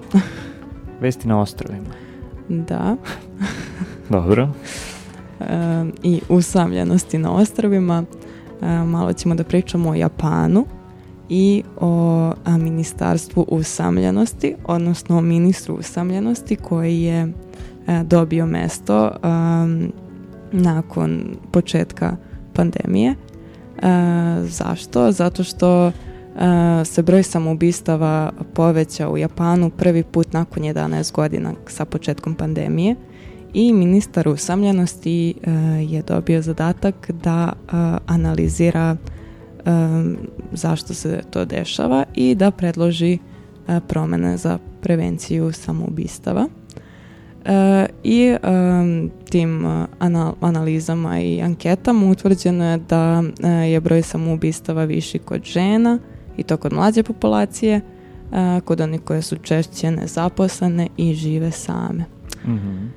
E, E sad u Japanu e, dosta puta su e, uvedene neke mere za sprečavanje usamljenosti. E, na primjer, pojavio se jedan robot koji služi da ti pruža moralnu podršku, da te drži za ruku. Zove se R2D2.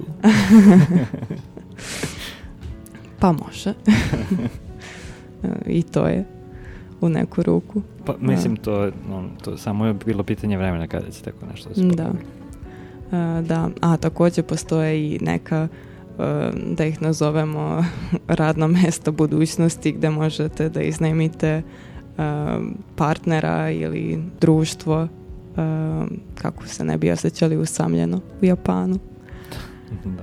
Mislim, Em. ok, uopšte nije smešno, stvarno zapravo. Da, ovo su Meni je malo ono, sm- smešno zato što je ni, niko nije očekivao da će to tako nešto se desi uskoro i to je sve bila neka naučna fantastika koju ono, da. gledamo film Her i razmišljamo o tome da ono kao to, ko zna kada će da se desi, vjerojatno Da. nikada zapravo se dešava.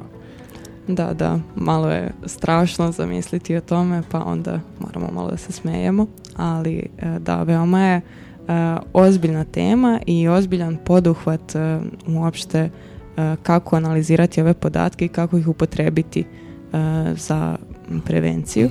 Mhm. E, I sad u Japanu e, prvo postoji taj problem e, definisanja termina usamljenosti zbog velikog broja reči za specifične osjećaje.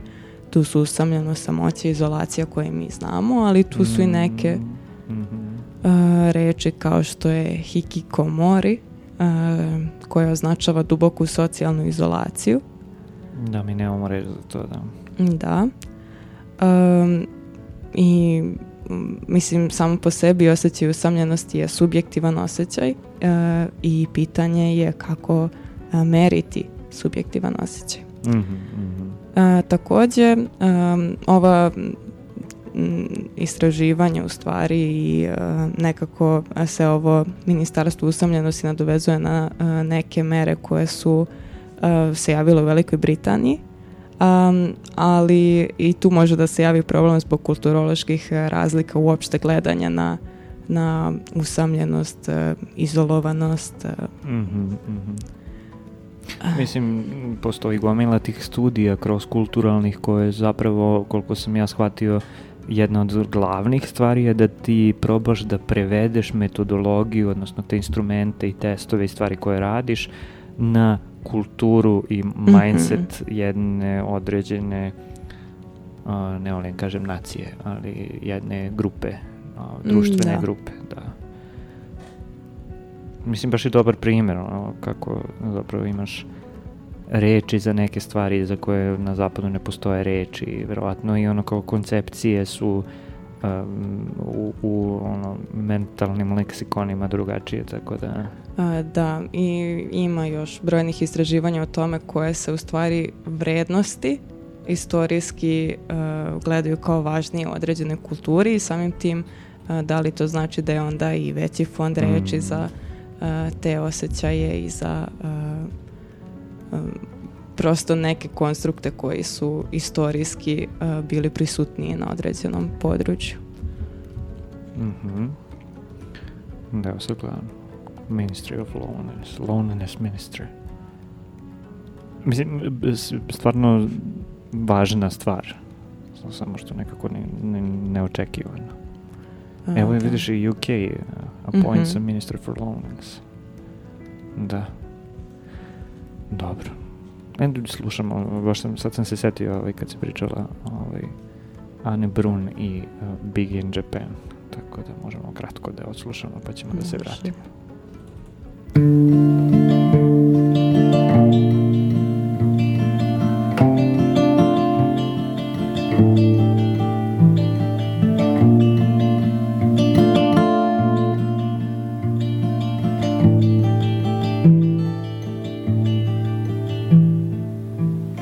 winter city side crystal bits of snowflakes all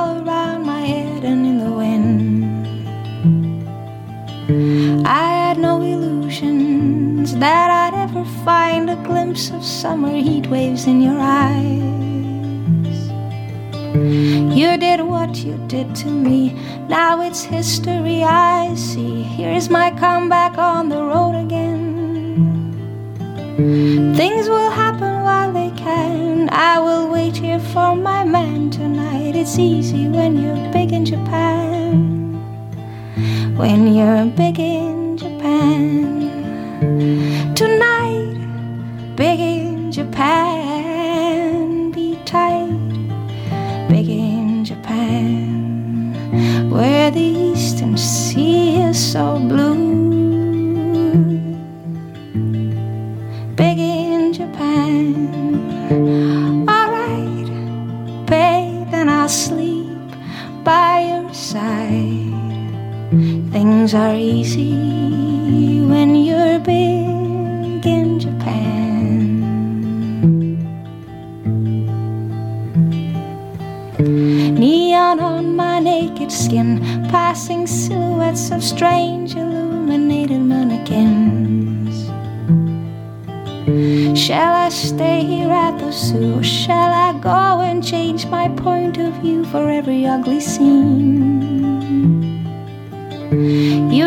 what you did to me, now it's history I see. Here's my comeback on the road again. Things will happen while they can. I will wait here for my man tonight. It's easy when you're big in Japan when you're big in Japan. Tonight, big in Japan, be tight,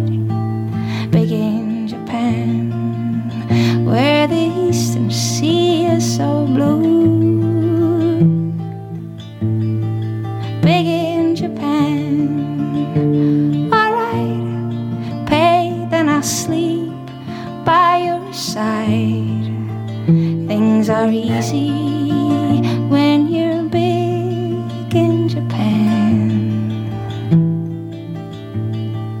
Big in Japan. Big in Japan.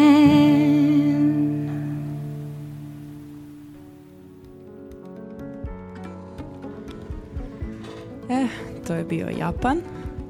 A sada idemo malo u Škotsku. Opet u Škotsku. Opet u Škotsku, kad smo je već pominjali. U bronzano doba ili... E, ne, sad idemo u neko skroz moderno doba. Dobro. E, muzike na struju, u stvari energije na muziku i na ples. E, da pojasnim. Objasni.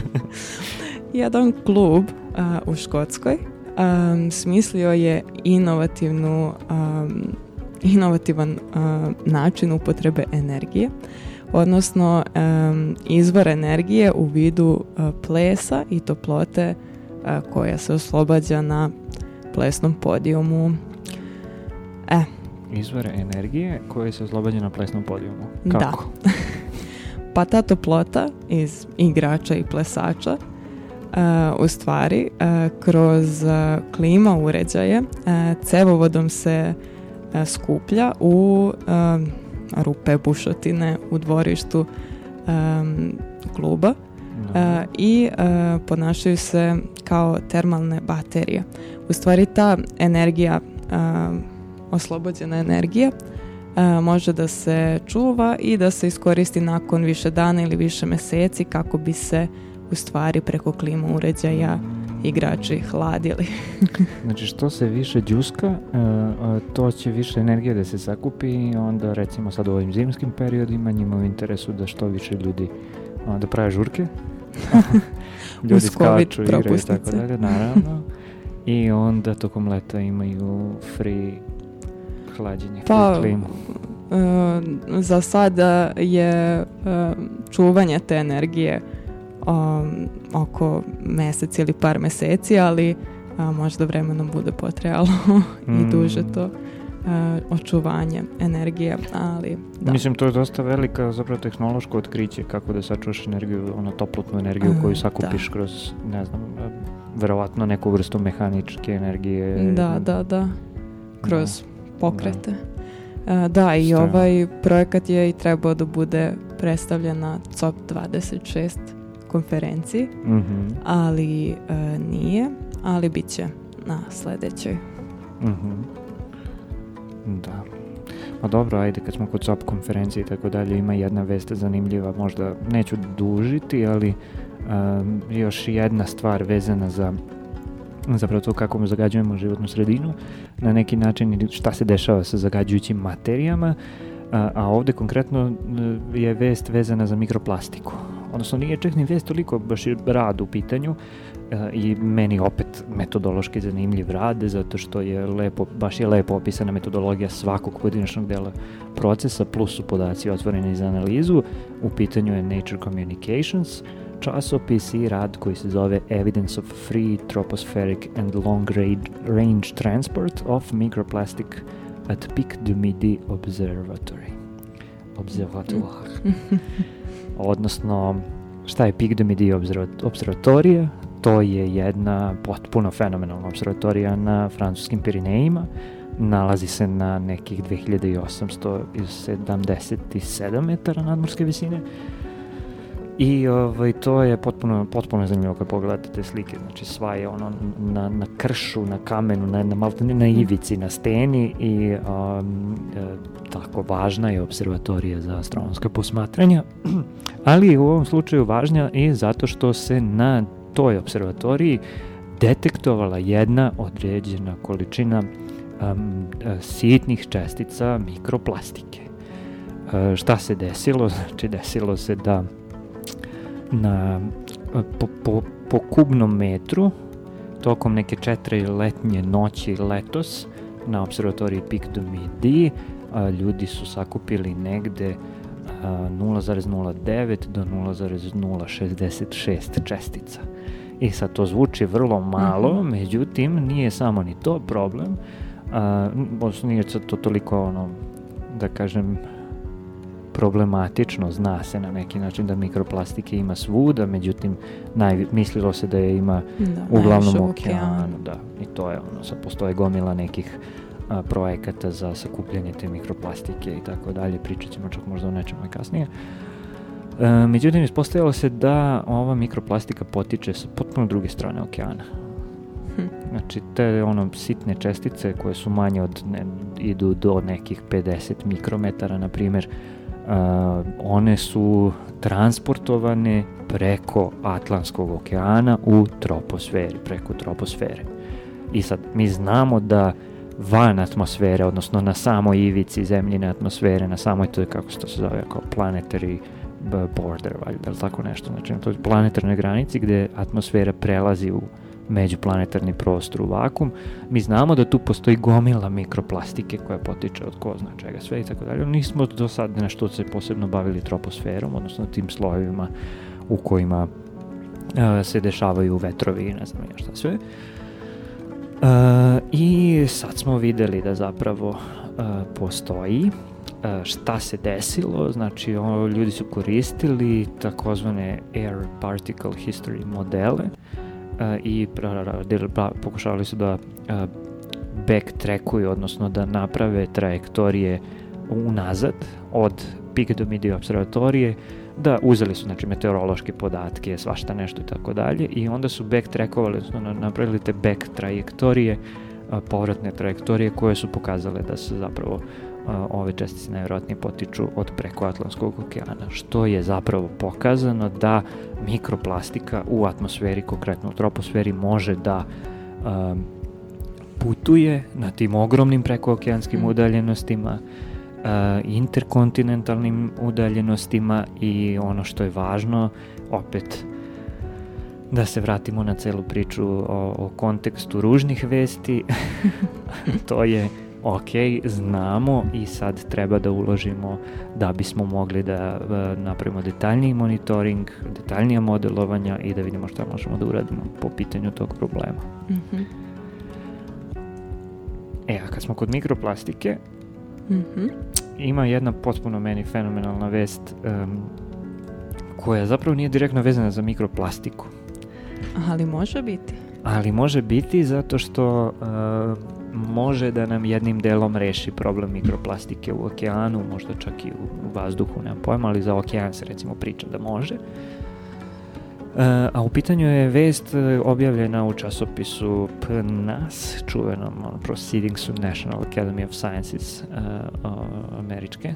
Um, vest se zove, odnosno rad se zove Kinematic Self-Replication in Reconfigurable Organisms. E, da sad protumačimo naslov, postoje neki organizmi koji mogu da se rekonfigurišu, da nastave ponovo e, i ovde su se ljudi bavili procesima samoreplikacije, to kine, kinematičke, odnosno samo vezane za pokre, pokretanje, e, samoreplikacije u smislu da jednostavno naprave jel te, same sebe Same se. da se dupliraju na neki način, što je osnovna, osnovna zapravo um, bazična ideja o tome šta je život. Mhm. E sad, koji su to organizmi u pitanju? Pa u pitanju su, Koliko su živi. no, upravo to, znači u pitanju su organizmi za koje možemo da kažemo da su neka vrsta veštačkog života, A-life, artificial life, e, sintetički živi organizmi, odnosno može se reći živi roboti i obično ih i zovu ksenoboti. E, ksenobot e, ko, poreklom zapravo ta reč potiče od latinskog naziva jedne afričke žabe, afričke kanđaste žabe koja se na latinsku zove Xenopus e, leavis. E sad zašto? Sad sam možda previše zakomplikovao. Zato što su ti živi roboti zapravo napravljeni kombinovanjem različitih tkiva i ćelija te afričke kanđaste žabe. Kako su kombinovane, to je super. I kojih ćelija? I kojih ćelija? Ko- e, Ćelija, e, kombinovane su ćelije, odnosno tkiva e, kože, ćelije kože i ćelije srčanog mišića. E sad, kako su kombinovane da, se, da bi se napravio živi organizam od tih ćelija, znači sintetički živi organizam, a, pa p- praćenjem uputstava koje je dala veštačka inteligencija. Uf. Znači, bukvalno potpuno neverovatno, to se prošle godine dešavalo, znači ni ovo je relativno novo otkriće zapravo, i, a sad dosta se ubrzano uh, razvija.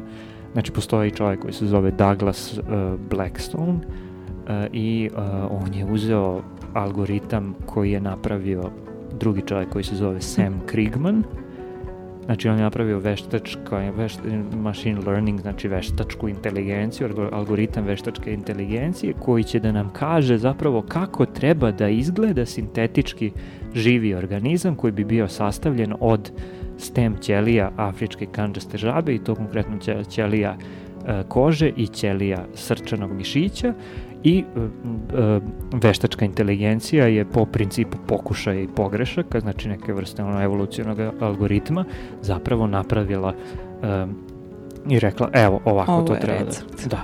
I to je recept i taj recept je takav da su zapravo od ćelija kože sačinjena ta neka struktura, a e, ćelije srčanog mišića su neka vrsta motora koji pokreće te xenobote.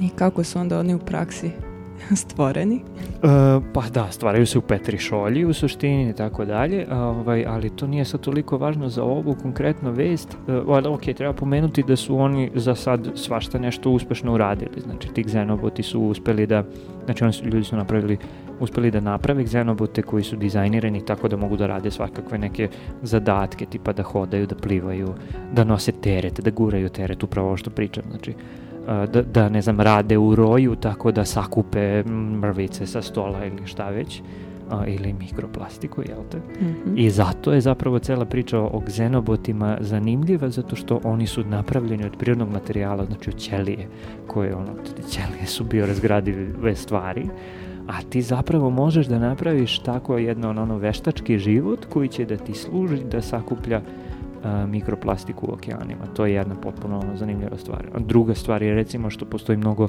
a, potencijalnih primjena u medicini. Jer pogađaš šta može, za šta može se Da. koristiti. Može da raznosi lekove. Bukvalno. Znači, imaš robotića koji će biti zadužen da prenese lek do neke tačke u organizmu ili da, ne znam, razbije um, kako se to kaže, blood clot, uh, Krvni ugrušak. trombove, krv, Tromb. krvne, da, krv, krvne ugruške i tako dalje. Znači, to, to je nešto što je budućnost medicine. A ovo je bukvalno ono tehnološko otkriće koje je prošle godine se desilo i uh, u međuvremenu, sad ja sam napravio sam previše veliki uvod, u, mre, u međuvremenu šta su oni uradili, znači oni su već dugo vremena rade to, ovaj, ekstrakuju stem ćelije kože, ekstrakuju stem ćelije e, srčanog mišića iz te, neke rane faze embriona te afričke žabe i šta onda rade, onda to u petri šoljama uzgajaju i gledaju šta se ponaša i tako, kako se to ponaša i tako dalje. I onda su videli da kad dovedu u petri šolju u gromuljicama te e, te ćelije, Mhm. odnosno to su to, te, te gromuljice su ti ksenoboti, um, um, za oko 5 dana se formira oko nekih 3000 recimo ovaj, tih takvih ona, a, xenobotića, tih ćelija uslovno Mhm. rečeno. I to oni su veličine negde oko pola milimetra i prekriveni su nekom minijaturnom strukturom koja liči na, na neki način na kosu. Mhm. I ta, ta struktura, Nožica. bukvalno s nožice, znači one služe za neko za pomeranje. Međutim, šta su skontali? Znači, ti dovedeš ono um, jednu gomilu ćelija uh, u petrišolju, tipa, ne znam, 60.000 Uh, ne 60.000, u stvari ne, mnogo više i tako dalje, onda ostane gomila tih nekih single ćelija, jedno, ono, o, izdvojenih ćelija, usamljenih ćelija, što bi rekao mm ministar iz Japana. A, e sad, oni nisu izolovane, nego šta se dešava, i to su oni uspeli da vide, a, ovi xenoboti koji su se formirali pored, na neki način uzmu pa ih teraju da se sakupe. Da se ujedin. Bukvalno, znači oni se ujed... prvo se xenoboti ujedine u neku vrstu ro- ro- rojaste strukture i onda sve ove single ćelije pokušavaju da tako skupe na gomilu da bi oni mogli da formiraju novog xenobota. I šta se desilo? Znači oni su vidjeli da ovakvi xenoboti zapravo kad rade u timovima formiraju takve rojeve i sakupljanje ostatak ćelija formiraju nove xenobote um, i nekih 12 xenobota u toj jednoj šolji koju su oni konkretno sad u ovom radu opisali je od oko 60.000 tih single ćelija napravilo jednu i do dve nove generacije xenobota. Znači, bukvalno se razmnožili. Da. Mislim, I- razmnožili su se od drugih ćelija. Uzeli su druge ćelije i samo ih ono, a, formirali u nove I xenobote. dokle se tako razmnožavaju? Pa u, u ovom slučaju je to bilo kao eto do druge generacije i šta su zaključili i videli zapravo svaka generacija je na neki način malo manja od, odnosno malo manji su Mhm. jedinke a, od ove prve originalne i tako dalje i šta su onda ovi ljudi uradili, jel te, pošto su i programeri, onda su rekli aha, dobro, ovo je proces koji se dešava, mi ga vidimo, ajde da vidimo koji nam je najoptimalniji oblik xenobota koji će da napravi e, potomke koji će najduže zapravo da se re- repliciraju, samo repliciraju tokom, tokom vremena i onda su skonto uzeli su kao bukvalno ono, machine learning algoritam, U koji oblik? pokušaj i pogreške, ono, evolucijni alg- algoritam i zaključili da je recimo oblik slova C latiničnog najoptimalniji oblik e, za formiranje xenobota u više generacija i a, onda su to isprobali i formirali su to negde četiri generacije. Odnosno duplo više od ovih od svojih okruglih e, rođaka.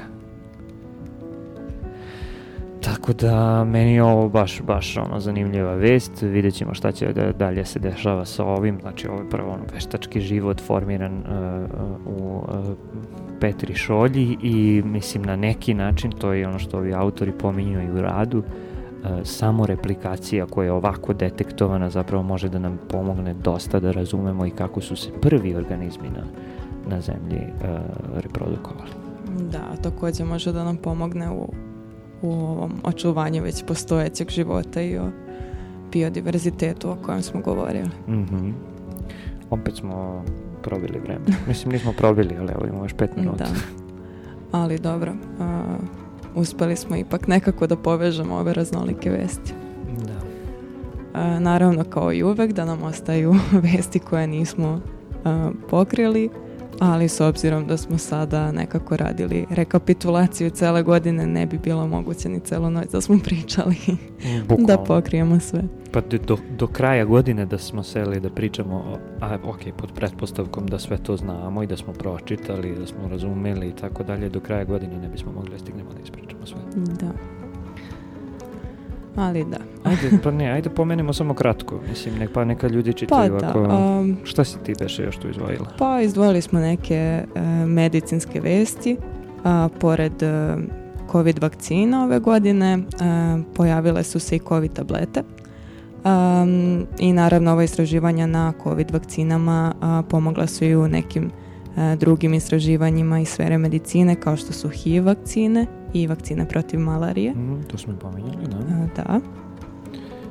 A, što, što ima, evo ja mogu da pomenem, znači evo šta sam ja izdvojio što, što nismo pomenuli, a, a to je da kad smo kod mikroorganizama i mi ovaj, tako dalje, znači po, ima jedan rad koji se zove Richness, Growth and Persistence of Life Under an Antarctic Ice Shelf u časopisu Current Biology a, gde su ljudi otkrili zapravo 77 vrsta na 200 metara no, ovaj, dubine ispod leda, što je potpuno neverovatna, a, neverovatan di- biodiverzitet.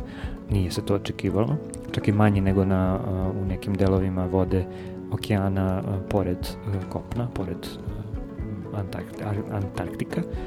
A, to je jedna vest i mnogo zanimljiv rad, što evo sad vidim da ga uopšte nismo pominjali, ali meni je ono, možda jedan od najzanimljivijih koje sam izdvojio za večeras, a, je Interstellar Space Biology via Project Starlight, a, časopis akta Ast- Astronautika. A, on je najavljen da će izaći u januaru 2022. Tako da ga možemo tada ispričati. E, možemo, ja evo samo hoću da pomenem o čemu se radi, zapravo radi se o projektu koji se bavi e, relativističkim putovanjima, međuzvezdanim putovanjima, brzinom od e, petine brzine svetlosti i e, razvojem zapravo tih nekih malih letelica na laserski pogon, ali ne samo to, to je jedan deo projekta, drugi projekat je zapravo slanje uh, nekih mikroorganizama kako bismo mogli da vidimo kako se život ponaša u svemiru u tim ekstremnim uslovima međuzvezdanih i brzih, vrlo, vrlo, vrlo, vrlo, vrlo, vrlo, vrlo, vrlo brzih putovanja. Imaš ti još nešto? Pa mislim da je to dobra vest da zaokružimo ovu priču. Pa ima još. Dobro. Um, ništa, zaokružujemo ovu epizodu. Da. Eto. Želimo vam srećne praznike. Srećne praznike, srećnu novu 2020. Dva, 22. 20, 20, ovu sledeću 2021. godinu. A ovo je 2022. godinu. A, I što reče jedan mnogo dobar mim a, koji sam, ovaj, kako se zove, a, baš sam ga podelio danas, sad ću da ga nađem. Um, a, kaže um, Leonardo DiCaprio u ne znam kom to beše filmu gde on ono Django Unchained. Django Unchained gde se kao ono, pod- Smejulji. smejulji se, da, podsmeva sa čašom. zapravo sa čašom uh, i kaže uh, when everyone is putting hope on 2022 but you know that time is an abstract concept and you had no effect on the events that occur odnosno svi polažu nade u 2022. godinu uh, ali jel te vreme je abstraktan koncept i nema nikakve veze nema nikakvog efekta zapravo na događaje koji se dešavaju znači vreme samo po sebi tako da Utešno. srećna vam nova godina ali ovaj eto možda želja je da probate da uspešno a, organizujete sve što radite tokom ove naredne godine i da se ne uzdate u to da će ta godina da bude bolja od prethodne, nego je vi napravite tako. Dobar savjet. I naravno kako to da uradite slušanjem Radio Galaksije. Radio Galaksija, Buzzsprout, uh, društvene mreže, Facebook, Twitter, Instagram i ako volite ovo što radimo i podržavate ovo što radimo, slušajte nas uh, svakog utorka na radio aparatu i pomozite nam a, preko Patreona i Paypala, to sve možete da nađete u opisima epizoda i svuda redom, a, a uskoro će i taj famozni sajt, pa će tu biti mnogo više informacija i mnogo više stvari Mhm. i tako. I tako. Do slušanja. Do slušanja. da nađemo sad onu špicu. Čuvenu odjavnu špicu. Ćao. Ćao.